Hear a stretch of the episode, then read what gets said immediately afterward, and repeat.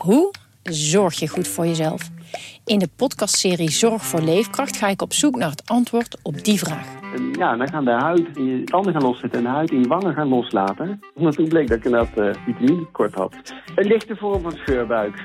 Huh? Een vitaminetekort? Een scheurbuik? Wil jij weten hoe dit afloopt en wat je hiervan kan leren? Ga naar aflevering 13 van de podcastserie Zorg voor Leefkracht en luister. Groningers die tot wanhoop werden gedreven, wetenschappers naar wie niet werd geluisterd en politici die niet precies meer wisten hoe het zat. Zo werd begonnen met de parlementaire enquête Gaswinning Groningen, een reconstructie van het oppompen van 60 jaar welvaart in Nederland. In deze podcast van Dagblad van het Noorden vatten we wekelijks de openbare verhoren voor je samen. Dit is Naschokken.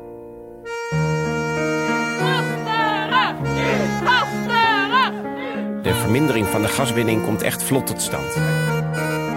Ze liggen alles aan elkaar vast. Die word je niet goed van. Iedereen heeft er ontzettend lak aan hoe wij ons hier voelen. Het is een fact of life. Ik bied daarvoor namens de regering mijn welgemene excuses aan. We staan aan de vooravond van het tweede deel van de parlementaire enquête Gaswinning Groningen. De komende weken worden gevuld met urenlange openbare verhoren onder Ede. Allemaal live te volgen, ook via onze website dwhn.nl. De belangrijkste en meest opvallende zaken hoor je in deze podcast met onze oren en ogen in Den Haag. Verslaggevers Lianne Levy en Bas van Sluis. Hoi. Hoi. Even iets luchtigs vooraf. Uh, Lianne, Bas, hebben jullie enig idee of jullie vanaf week 2 de komende weken een beetje fatsoenlijk kunnen zitten daar op de perstribune? Nou, dat weten we nog niet, maar ik mag toch hopen van wel, want het was die eerste week echt niet best. ik denk dat je bij, de, bij, de, bij EasyJet comfortabeler zit dan uh, in de stoeltjes van de Tweede Kamer. Ik meen mij te herinneren dat ook de collega's van RTV Noord, die stuurden er zelfs op uh, Twitter een, een, bericht over rond, want die, die commissie die zit daar op stoelen die uh, ja, speciaal op maat gemaakt zijn. Maar hoe moet ik me dat voorstellen? Hebben jullie daar op houten bankjes gezeten? Of? Nou, het zijn gewoon hele kleine, kleine stoeltjes. En je moet uh, bedenken, Arnoud, ik ben 1,92 meter. het, is, het is gewoon niet te doen. Elke keer als, uh, als er iets van schorsing was en ik opstond, dan dacht ik, van, waar, sta, waar staat mijn rollator? Ik, het is gewoon niet te doen. Nee, nee. Jullie hebben uit kunnen rusten. we gaan de, de komende weken tegemoet. Maar we gaan in deze eerste aflevering van Naschokken terugblikken op die eerste week van de enquête. Eind juni uh, tot en met 1 juli uh, was dat, vlak voor de zomer. Uh, we gaan ook nog vooruitkijken vanzelfsprekend naar wie en wat ons nog te wachten staat. Maar jullie hebben je intrek weer genomen in Den Haag. Bas, om het nog even neer te zetten. Waar diende die eerste week van de verhoren precies voor? Nou, vooral om in grote lijnen neer te zetten... Ja, waar hebben we het eigenlijk over? Wat is de problematiek? Waar lopen de Groningers tegenaan? Waar lopen de wetenschappers tegenaan? Uh, hoe heeft uh, de NAM gereageerd? Hoe heeft Shell gereageerd? Om toch het, het plaatje te kunnen schetsen. Wat is het gasgebouw precies? Uh, waar lijden de gedupeerde Groningers dan eigenlijk, eigenlijk onder? En wat ik me er nog van kan heugen, dat is volgens mij die commissie vrij goed gelukt. Om dat, om dat globale grote plaatje neer te zetten. Lianne, wat is jou het meest bijgebleven van die eerste week? Mij is het verhaal van uh, Sijbrand Nijhoff het meest bijgebleven. Ja, dat maakt echt uh, enorm indruk hoe hij zo geëmotioneerd vertelde over wat het met hem heeft gedaan. En hoe hij ook keer op keer zei dat hij het eigenlijk niet voor zichzelf deed, maar voor de andere Groningers. Dat vond ik heel mooi. Voor de goede orde, uh, paardenboer in Rusten uit uh, Zeildijk. Ik haalde hem net in het intro ook al even aan. Laten we daar even naar gaan luisteren naar een, een, een kort fragment van wat hij uh, de commissie te zeggen had. Als de overheid zo met ons omgaat, is er geen plek meer voor, voor eerlijke mensen in Nederland.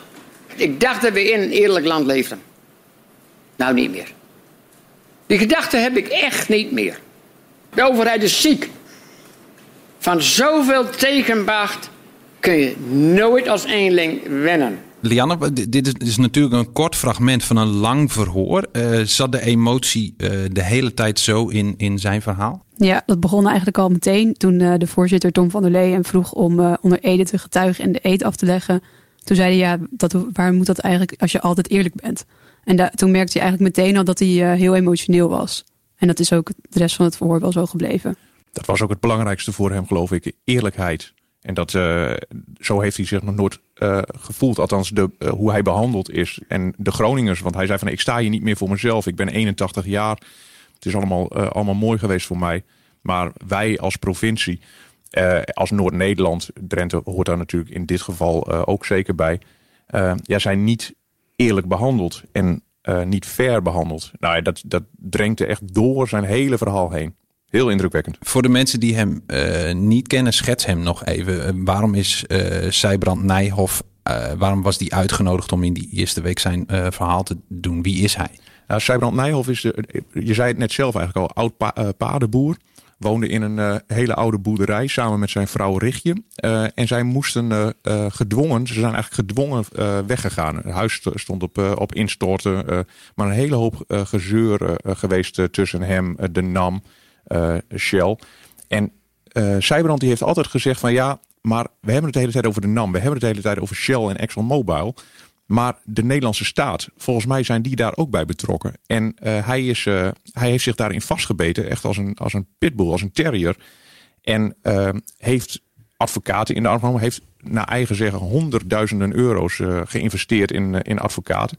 En heeft die advocaten uiteindelijk op pad gestuurd van joh, ga anders naar het Nationaal Archief, daar moet toch iets te vinden zijn. En die advocaten hebben namens hem geheime documenten opgeduikeld. Althans, geheime documenten. Ze lagen dus gewoon in het Nationaal Archief. Dat is altijd de grote mythe geweest van uh, Sijbrand Nijhoff.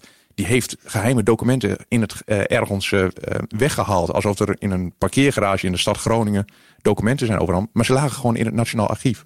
Maar die documenten beschreven juist die overeenkomst van samenwerking. Dat de Nederlandse staat heel erg betrokken is geweest bij de hele opzet van de gaswinnings, het gaswinningsgebeuren. En nou ja, dat is natuurlijk, was een grote schok. Want dat betekent dat de staat ook verantwoordelijk is voor de schade en het leed dat de Groningers is aangedaan. Dus ja, Sijbrand Nijhoff is een hele belangrijke man in dit hele, hele gebeuren. Dus hij was natuurlijk uitgenodigd om daarover te praten.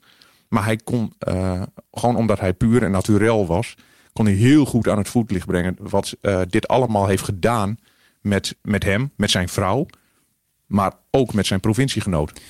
Wat ik destijds heb, heb opgeschreven in aantekeningen, want ik heb die eerste eh, dag ook een deel meegekeken. Wat ik bij hem ook indrukwekkend vond, hij heeft op een gegeven moment iets gezegd ook over de zwaarte van uh, de aardbeving. En dat hij met zijn vrouw daarover sprak. En uh, uiteindelijk zelfs iets tegen zijn vrouw gezegd heeft. Laat die, die zes, hè, de beving van, van 6.0 op de schaal van Richter. Laat die zes, waarvoor gewaarschuwd werd, laat die zes maar komen. Laat de schoorsteen maar naar beneden donderen. dan lig ik eronder. Dan valt er tenminste een dooie. Hoe werd daar, Lianne, hoe werd daar door die commissie op gereageerd?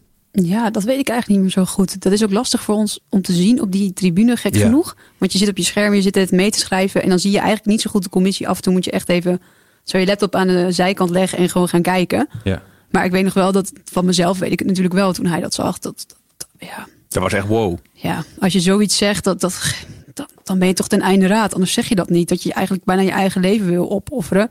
Ja, dat vond ik echt wel heel erg. Ja, ja hoe, hoe, hij vertelde ook nog hoe, hoe hij zijn vrouw trof na een zware aardbeving. Dat ja. ze spierwit was en dat ze probeerde de ijskast, geloof ik, uh, uh, tegen te houden. Nou ja, het, het, het, was gewoon een en al verdriet. Ja. Het, uh, ik bedoel, je moet een, een coole kikker zijn in Nederland. Als je dat verhaal hebt beluisterd en dan zegt van... ah joh, Groningen, daar is niks aan de hand. Ik bedoel, iedereen weet nog hoe dat was. Dat, dat, dat de openbare verhoor onder Ede van, van, van Nijhoff. Dat, daar ben ik van overtuigd. Ja. Hij, hij, was niet de enige. Ook uh, Suzanne Top kwam uh, diezelfde eerste dag uh, aan bod. En, en zij, staat in Groningen bekend als iemand met heel veel kennis van zaken. in het gasberaad gezeten, bij de dialoogtafel gewerkt. Maar ook daar zat heel veel emotie uh, in. Was het, was het raar om te zien, uh, Lianne, dat iemand die zo, ja, normaal gesproken zo des, deskundig is om daar ook de emotie zo naar boven te zien komen? Of heb je dat eigenlijk in die eerste week bij meer mensen misschien wel gezien? Nou, van Suzanne Top zou je dat eigenlijk niet verwachten. Want zij staat altijd bekend als iemand, ja, ze weet alles en ze blijft er, ze kan dan heel goed dat verhaal vertellen. En dat was het eerste deel van het verhoor ook wel zo. Het was een heel lang verhoor, het duurde drie uur. En na de pauze, ja, draaide het een beetje voor mijn gevoel. En toen had ze het er ook over dat ze nou ja, de bewoners centraal, dat kon ze gewoon niet meer horen. Toen werd ze best emotioneel. Ze werd ook heel emotioneel toen ze vertelde over dat uh, ze in de haar laatste week langs ging bij uh, mensen van wie de versterking al klaar was. En ze had gehoopt dat die wel blij zouden zijn. En dat waren ze gewoon niet. En ja, ik vond het wel. Uh, ja, om Suzanne zo te zien, dat zijn we denk ik niet gewend in Groningen. Nee. Lianne, er kwamen in die eerste week ook wetenschappers uh, aan het woord. Wat was hun verhaal? Ja, op de dinsdag kwamen drie wetenschappers. En die hebben eigenlijk alle drie hetzelfde gezegd. Ze werden niet geloofd met hun kritiek. Daar was gewoon geen ruimte voor, dat was niet welkom. En uh, ja, Hans de Wal die zei dat ze ook allemaal in, tot aan Huizingen zat iedereen in een tunnel. Iedereen volgde hetzelfde en er werd gewoon niet geluisterd naar kritiek op de gaswinning. Ja, Hans de Waal, wetenschapper, uh, eerst werkzaam bij Shell, daarna bij uh, staatstoezicht op de mijnen. We hebben daar ook een fragment van, laten we daar even naar luisteren. Iedereen is met z'n allen in een tunnel geraakt. Dat is al vrij vroeg begonnen, in 1990 ongeveer, denk ik al. En dat was, er waren natuurlijk wel aardbevingen, maar dat was toch niet echt een probleem. Het was niet echt een risico. En die tunnel is blijven bestaan tot en met Huizingen. Bas, was dit nou die mededelingen van die, of nou ja, de, de, de verklaringen van die wetenschappers, waren dat nou dingen uh, die we nog niet wisten?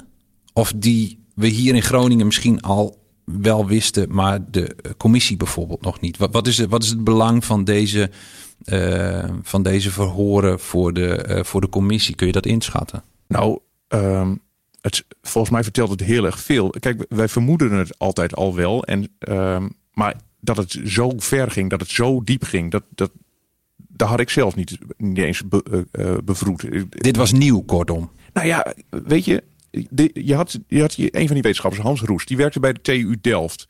Nou ja, de TU Delft staat bekend als onafhankelijke universiteit. Als je dan een wetenschapper die hoog staat aangeschreven, en Roes staat hoog aangeschreven, hoort vertellen uh, hoe hij onder druk is gezet, hoe de NAM tegen de rector magnificus van die universiteit had gezegd van nou jullie krijgen nog wel geld voor onderzoek, maar niet meer voor aardbevingen.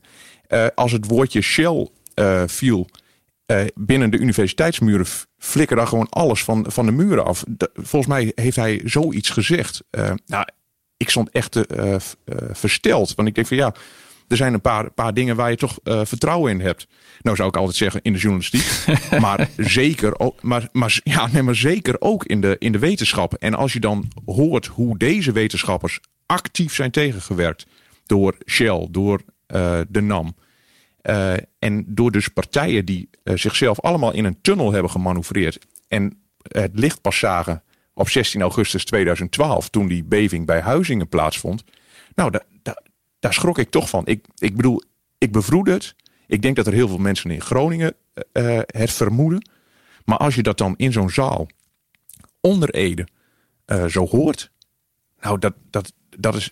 Ja, dat, dat hakte er bij mij eigenlijk wel heel erg in. Ja. Dat, vond ik, dat vond ik heel extreem. Hans Roest was ook een van de mensen die deel uitmaakte van het onafhankelijk geologenplatform. Dat al in een vroeg stadium uh, Meent van de Sluis uh, steunde. Hè, het Drent Statenlid. Uh, die al heel vroeg ehm, aandacht vroeg voor de gevolgen van die, van die gaswinning. Maar jarenlang ook ja. niet geloofd werd en door de NAM werd weggezet als een, zeg ik het even in mijn woorden, als, als, als een idioot. Ja, daar vertelde die Roest eigenlijk ook wel over. Hij was het trouwens uh, niet helemaal eens met uh, Van der Sluis hoor. Hij zei, hij had de kernboodschap had hij goed te pakken. En hij is schandalig weggezet door uh, de Nederlandse aardoliemaatschappij. Ja. Want die, die vertelde gewoon, dit is een charlatan, een aardrijkskunde leraartje. Wat weet die man er nou van? Ja. Maar hij zei, uh, de verklaringen die hij erbij zocht waren niet wetenschappelijk. En daar botsten wij ook wel over. Maar hij zei de kernboodschap, die klopte. En die hadden, die hadden die clubs gewoon moeten pakken en moeten zeggen van... goh, die man die zegt daar wat. Daar moeten wij dieper induiken. En dat gebeurde gewoon niet. Er is zoveel ellende is er ontstaan. En als er, ze toen hadden gezegd van nou laten we daar nou eens nieuwsgieriger naar zijn. Hè, als we daar nou beter naar kijken ik weet niet of we, of we dan uh, op deze manier ook die parlementaire enquête hadden gehad. Nee. Er kwamen, de eerste bestuurders kwamen ook aan bod. En laten we daar eerst even naar gaan luisteren. Dan weet iedereen meteen waar we het over hebben. Dat was namelijk uh, oud-minister van Economische Zaken, Annemarie Jorritsma. Je hebt precies geen weet hoe die onderhandelingen gingen, want dat is wel echt heel lang geleden. Ja. Ik, ik, ik kan me niet herinneren dat het om die reden moeilijker was. Geloof. Het malle is dat ik ook me niet kan herinneren. Dat ik, ik, ik weet niet meer precies, maar ik denk eerlijk gezegd herinneren. Dat kan ik me niet herinneren dat dat gebeurd is. Nee. Dat heb ik niet in mijn herinnering zitten. Excuus daarvoor. Nee. Lianne, dit audiofragment ging al vrij vlot rond op Twitter uh, destijds. Um, ja, maar, maar dit is waar iedereen meteen over viel, toch? Ja, ja, absoluut. Wij liepen die zaal uit en ik zei tegen Was van... nou, ik heb echt veel van mijn vader geleerd... maar één wijze les was dat het onbeleefd is... om altijd het laatste woord te willen pakken. En dat is precies wat ze deed. Ze deed het aan het begin, toen Van der Leeuwen wou beginnen. Toen zei ze meteen al van, nou mag ik eerst wat zeggen? Ja, het is heel lang geleden en uh, misschien kan ik het me niet allemaal meer herinneren. Misschien heb ik wat langer de tijd nodig om, om antwoord te geven. En aan het einde, toen uh, wou Van der Lee afsluiten. En toen uh, pakte ze het laatste woord. Toen zei ze dat ze toch nog even wou beginnen over haar tijd als burgemeester in Delfzijl in 2003. Terwijl ze daarvoor niet wou praten over alles buiten 1998 en 2002, geloof ik. De jaren dat ze minister was. Ja, dat was een merkwaardig voor, kan je denk ik wel zeggen. De luisteraars kunnen niet zien, maar toen jij dit, dit fragment afspeelde, er ontvouwde zich een glimlach. Want ik, ik weet nog hoe ik dit ook met verbijstering heb, uh, heb aangehoord. Ik denk van zo'n vrouw van met zoveel ervaring. En misschien juist wel daarom hoor. Maar het is gewoon gênant. Dit is ook gewoon precies waarom uh, Groningers dacht van... oh jeetje, daar, daar gaan we weer. Deze wereld van Annemarie Jortsma. En volgens mij was er toen ook een gasunie-CEO... Uh, George, George Verberg was die ochtend ook. Die twee personen dat, dat was nou net de wereld waar de Groningers tegen, tegenover stonden. Ik bedoel, het waren twee, gewoon twee verschillende werelden. Dus je moet bedenken, we hadden die wetenschappers gehad. We hadden de, de gedupeerde Groningers met al hun emotie gehad. En dan komt mevrouw Joritsma, notabene de oud-burgemeester van Delfzijl, zoals ze zelf nog, uh, nog zei. En die komt met wat riedeltjes en, en zegt van ja, ik kan het me allemaal niet zo goed meer herinneren. En ik wil eigenlijk alleen maar over feiten praten en reflecteren. Dat zat er al helemaal niet in bij, bij haar. Ik, en toen uh, Lian en ik, die keken elkaar aan. En in de pauze hebben we nog tegen elkaar. Nou, ik mag toch niet hopen dat dit opmaat wordt voor, uh, uh, voor, de, voor de komende verhoren van andere bestuurders. Weet je wel, de, de, de Mark Rutters van deze wereld met geen actieve herinnering en zo. Dit, dit was zo typisch, zo typisch. Of zijn we, want ik, ik uh, had ook toen ik dat, daar heb ik ook een fragment van, van meegekregen. En toen uh, dacht ik ook van nou, dit is, dit is gewoon een, een, middelvinger naar de enquête en naar Groningen. Of zijn we te kritisch meteen op haar geweest? En is het inderdaad zo dat het zo lang uh, geleden was? Ze was minister van EZ van 98 tot 2002. Ze kwam duidelijk niet voor ja. de, de wijsheid Nou. Ja, nou dat, dat, dat, dat zou je kunnen, kunnen zeggen, maar dan, dan pak ik hem toch nog even terug. Er zat ook een 81-jarige man, die heette Sijbrand Nijhoff. En er zat ook nog een andere oude meneer, meneer Herman de Muink. Uh, en die konden zich nog haarfijn herinneren hoe alles uh, was gegaan. En uh, deze mevrouw, wat ik zeg, die, is, die heeft gewoon in de top van Nederland gezeten. Ik bedoel, die heeft nog volgens mij het, het nieuwste of het laatste kabinet nog helpen formeren. En toen had ze ook al geen actieve herinnering meer aan een briefje van Pieter Omtzigt, geloof ik. Dan denk ik van ja, hoe komen die mensen dan in godesnaam op deze, op deze plekken terecht? Dus ik vind dat, en ik snap dat je dat zegt hoor, maar ik vind dat toch te makkelijk. Van zo'n minister, van zo'n ex-bewindspersoon, verwacht je gewoon veel meer. En dit was gewoon een spelletje. Want volgens mij kwam de dag daarna kwam een, een hele hoge baas van de Shell.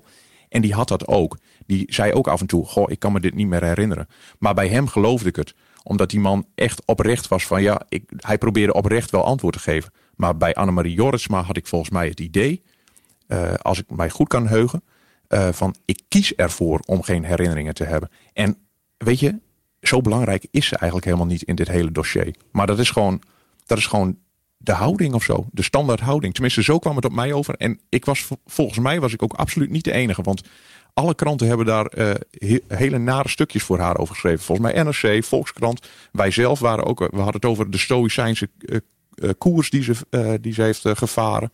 Nou ja, en wat Lianne zegt, de wijze les van haar vader. volgens mij is dat precies dat.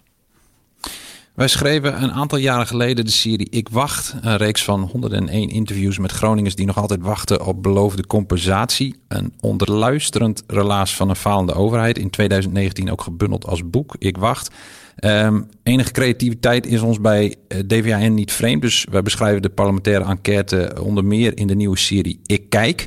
Iets minder afleveringen, maar niet minder belangrijk. Want het gaat daar in Den Haag beslot van rekening over ons. Maar kijken we ook en wat verwachten we ervan? We waren in die eerste week onder meer bij Yvonne Morselt uit Groningen, verhuisd uit Ten Boer, waar haar huis ook schade had. En wij vroegen haar, wat verwacht u van de enquête? En zij antwoordde, het mag in ieder geval geen rapport opleveren dat in een lade verdwijnt. Voor mij is het nuttig. Ik ben alleen bang dat gedupeerden er weinig mee opschieten. Er zijn al veel enquêtes geweest en of met die uitkomsten zoveel is gedaan, weet ik niet. Lianne, jij hebt in de afgelopen jaren ook veel mensen gesproken over de gaswinning, de gevolgen.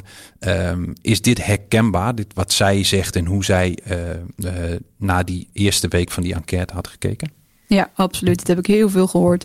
Heel veel mensen die er gewoon geen vertrouwen meer hebben. En dat is misschien ook wel logisch naar alles wat er is gebeurd. En ook veel mensen voor wie het moeilijk is om het allemaal weer, eh, ja, weer op te rakelen. Dat merkte je ook wel. Uh, nou ja, Seiban Nijhoff bijvoorbeeld. Hij zei dat het ook heel moeilijk was geweest om het voor te bereiden. Dan gaat het toch zitten. Dus ik denk wel dat dat, ehm, dat, dat voor veel mensen uit Groningen zo is. Ja. Die eerste week ligt achter ons. De commissie had al 124 besloten voorgesprekken gevoerd. Uh, 631.500 digitale documenten doorgespeerd. Evenals 10 meter fysiek papier opgestapeld, denk ik dan. 10 meter hoog. Die documenten zijn gevorderd van 47 partijen, zoals de NAM, Shell, de betrokken ministeries, de provincie Groningen, de Groningen Bodembeweging, het Groningen Gasberaad. Uh, de commissie is vorig jaar al eens op bezoek geweest in het aardbevingsgebied. Bas, welke verhoren krijgen we nu de, de komende weken? Wat, uh, wat staat ons in dit tweede deel van de parlementaire enquête allemaal te wachten? Ja, nou, aan het begin vertelde ik dat, dat, dat ze uh, toen gingen kijken naar het globale plaatje. En nu gaan ze echt een spade dieper doen. En dat gaan ze doen met onder andere met hoofdrolspelers als oud-minister Henk Kamp, economische zaken. Oud-minister Erik Wiebes, economische zaken. Ik verwacht Jeroen Dijsselbloem. Wie ook zeker uh, zal komen is uh, Hans Veilbrief, de huidige staatssecretaris van Mijnbouw. Want uh, Veilbrief was, is niet alleen staatssecretaris, maar hij was ook een topambtenaar bij het ministerie van Economische Zaken in 2010. En daarna de hoogste ambtenaar bij het ministerie van Financiën. Als je je nog kunt heugen, in 2013 werd er enorm veel gas uh, gewonnen uh, uit het Groningenveld. Ja. Dat heeft de Nederlandse staat echt miljarden opgeleverd. Nou, misschien kan meneer Veilbrief ons uh, vertellen of Financiën daar nog, nog een, een, een, stok bij heeft gebruikt. Van jongens, toch maar even doorpompen. We weten het niet, maar het wordt wel heel spannend. En natuurlijk Mark Rutte. de premier. Ik verwacht dat hij wordt uitgenodigd. Het is nog niet gezegd. Maar kan, ja, ik kan me niet voorstellen dat ze, dat ze onze zittende premier uh, nee. uh, niet uitnodigen. Hij is eigenlijk een constante hè, hierin. Waarom weten we dat nog niet allemaal? De, de, waarom, is dat, waarom is dat zo geheimzinnig? Waarom wordt dat elke keer pas op het allerlaatste moment uh, duidelijk gemaakt? Wat, wat, is de reden? Ja, daar is de commissie heel voorzichtig in. Ze zijn van plan om elke vrijdag bekend te maken wie er op de week daarop komen. Ja, waarom zijn ze daar eigenlijk voor? Weet jij dat, Bas? Waarom zijn ze zo voorzichtig? Ja, nou ja, ze zijn bang. Kijk, we hebben hier te maken met een belangenspel. Suzanne Top, die zei volgens mij toen de tijd van ja, wie heeft eigenlijk de macht? Nou moet je je voorstellen, uh, dit wordt tot in den treuren voorbereid door multinationals als Shell en ExxonMobil. Maar geloof me, ook bij het ministerie van Economische Zaken zijn zaaltjes afgehuurd om uh, voor te bereiden van ja, welke vraag ga je krijgen en hoe moet je antwoorden en naar wie moet je zeker niet wijzen en naar wie moet je zeker wel wijzen. Door het zo lang mogelijk uit te stellen wie er precies wordt uh, worden verhoord, kunnen ze dingen niet met elkaar afstemmen. Dat is trouwens een illusie, want uh, wij hebben al wel gehoord dat er bepaalde bewindspersonen her en der gesprekjes aan het voeren zijn. Van goh, hoe herinner jij je dat? Uh, het is niet illegaal, het is wel opmerkelijk, laat ik het zo zeggen. Lianne, van wie verwachten we iets te horen dat we nog niet weten? Van Hans Vuilbrief, want zoals Bas net vertelde, was hij een hele hoge ambtenaar. Maar hij is nu natuurlijk de staatssecretaris. En op die manier kennen we hem. Maar we weten heel weinig van zijn tijd uh, toen hij de beslissingen mocht maken als ambtenaar. Dus daar verwacht ik wel wat van, ja. Maar wie de volgende week worden verhoord, dat weten we wel toch, Bas? Ja, we hebben weer een nieuw lijstje gekregen. Elf namen uh, staan erop. Uh, en de volle vijf dagen weer. Uh, je moet denken aan Bart van der Leemput, CEO van de Nederlandse aardoliemaatschappij. Althans, dat was hij tussen 2009 en 2014. Uh, Jan de Jong, inspecteur-generaal van de uh, staatstoezicht op de mijnen tussen 2003 en 2014. Dus ook een hele, hele ja. belangrijke bron. En uh, de Groningers zullen hem ongetwijfeld nog wel kennen. De burgemeester van de gemeente Loppersum, Albert Rodeboog. Althans, hij stopte in 2018, maar was ten tijde van de, de aardbevingencrisis, laten we zeggen 2010 tot en met 2014, was hij vol aanwezig, om het zo maar te zeggen. En met die drie namen denk ik toch ook aan Huizingen. 2012, 2013 vervolgens dat recordjaar aan gas. Dat is opgepompt, wat nog altijd een open wond is, toch? Ja, nou ja, als je dan toch over hoofdrolspelers rond Huizingen hebt... dan heb, je hier er wel drie te pakken hoor. Van de Leenput, Rodeboog, De Jong. Alle drie heel erg betrokken bij, bij die, die hoge gaswinning. Althans de discussie daarover. En natuurlijk na de aardbeving in Huizingen. Kijk, je hebt Henk Kamp, absoluut een hoofdrolspeler. Maar deze heren waren ook overal bij betrokken. Dus dat kan zeker spannend worden. Ja, spannende tijden uh, gaan we tegemoet. Tom van der Lee, Judith Tielen, uh, Julia Kat, Barbara Katman, Peter Quint en Stineke van der Graaf. Dat zijn de commissieleden die uh, de vragen zullen stellen. Laatstgenoemde met Groningse wortels. En als ik goed ben geïnformeerd, schuift ook Kamerlid Anne Kuik na het zomerreces nu weer aan. Maakt dat nog een verschil, de aanwezigheid van twee commissieleden die Groningen door en door kennen? Ja, ik denk dat dat altijd wel goed is. Ik denk dat je dan misschien toch met een andere blik naar de problemen kijkt. En zij zullen natuurlijk ook wat vaker inwoners van Groningen spreken. Ik denk dat dat geen kwaad kan. Ja, en dat, trouwens, ja, maakt het echt heel erg veel uit. Want ik, ik kan me nog heugen eh, in die eerste week. Ik, het is geen wedstrijd hè, en ik ga ook geen rapportcijfers uit, uh, uitreiken. Maar ik, ik was echt super enthousiast over, uh, over die SP'er, Peter Quint. Die zat, er, die zat echt heel dicht op de bal. En maakte het mensen ook wel, wel, wel lastig en moeilijk. En ik hoop dat hij dat vooral ook blijft doen. Samen met zijn andere commissieleden. Ja. Dat we nog wat, wat antwoorden kunnen krijgen.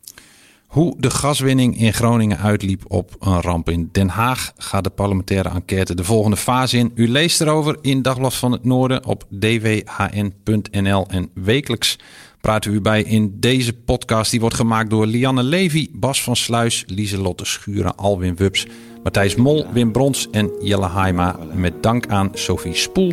Mijn naam is Arnoud Bodde. Dit was aflevering 1 van Naschokken.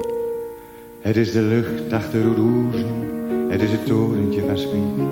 Het is de weg van langs naar klooster en de Westpolen langs de diek. Het ben de muns, ben de moon, het ben de kerken en de beun. Het is het land waar ik als kind nog niks begreep van Pinozeun. Het ben de muns, het ben de beun. Het is een doevertillende stroot, het is een oude bakkerij. Het ben de grote boomplotsen van waar we mosket zo naar mij. Het is de waait, het is de hoven, het is het koolzoot in de blauw. Is de horizon bironen, vlak noorden dunne bui. Dat is Milaans, Minogelaan.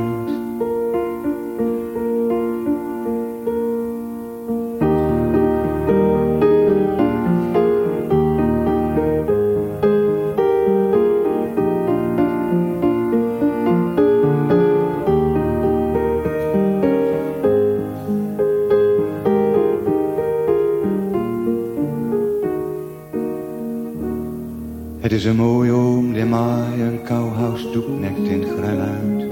Ik heb voor het eerst hem overkeer en vuil de vonk van die naad. De wilde plan die ik haal, komt zeker niks meer van terecht.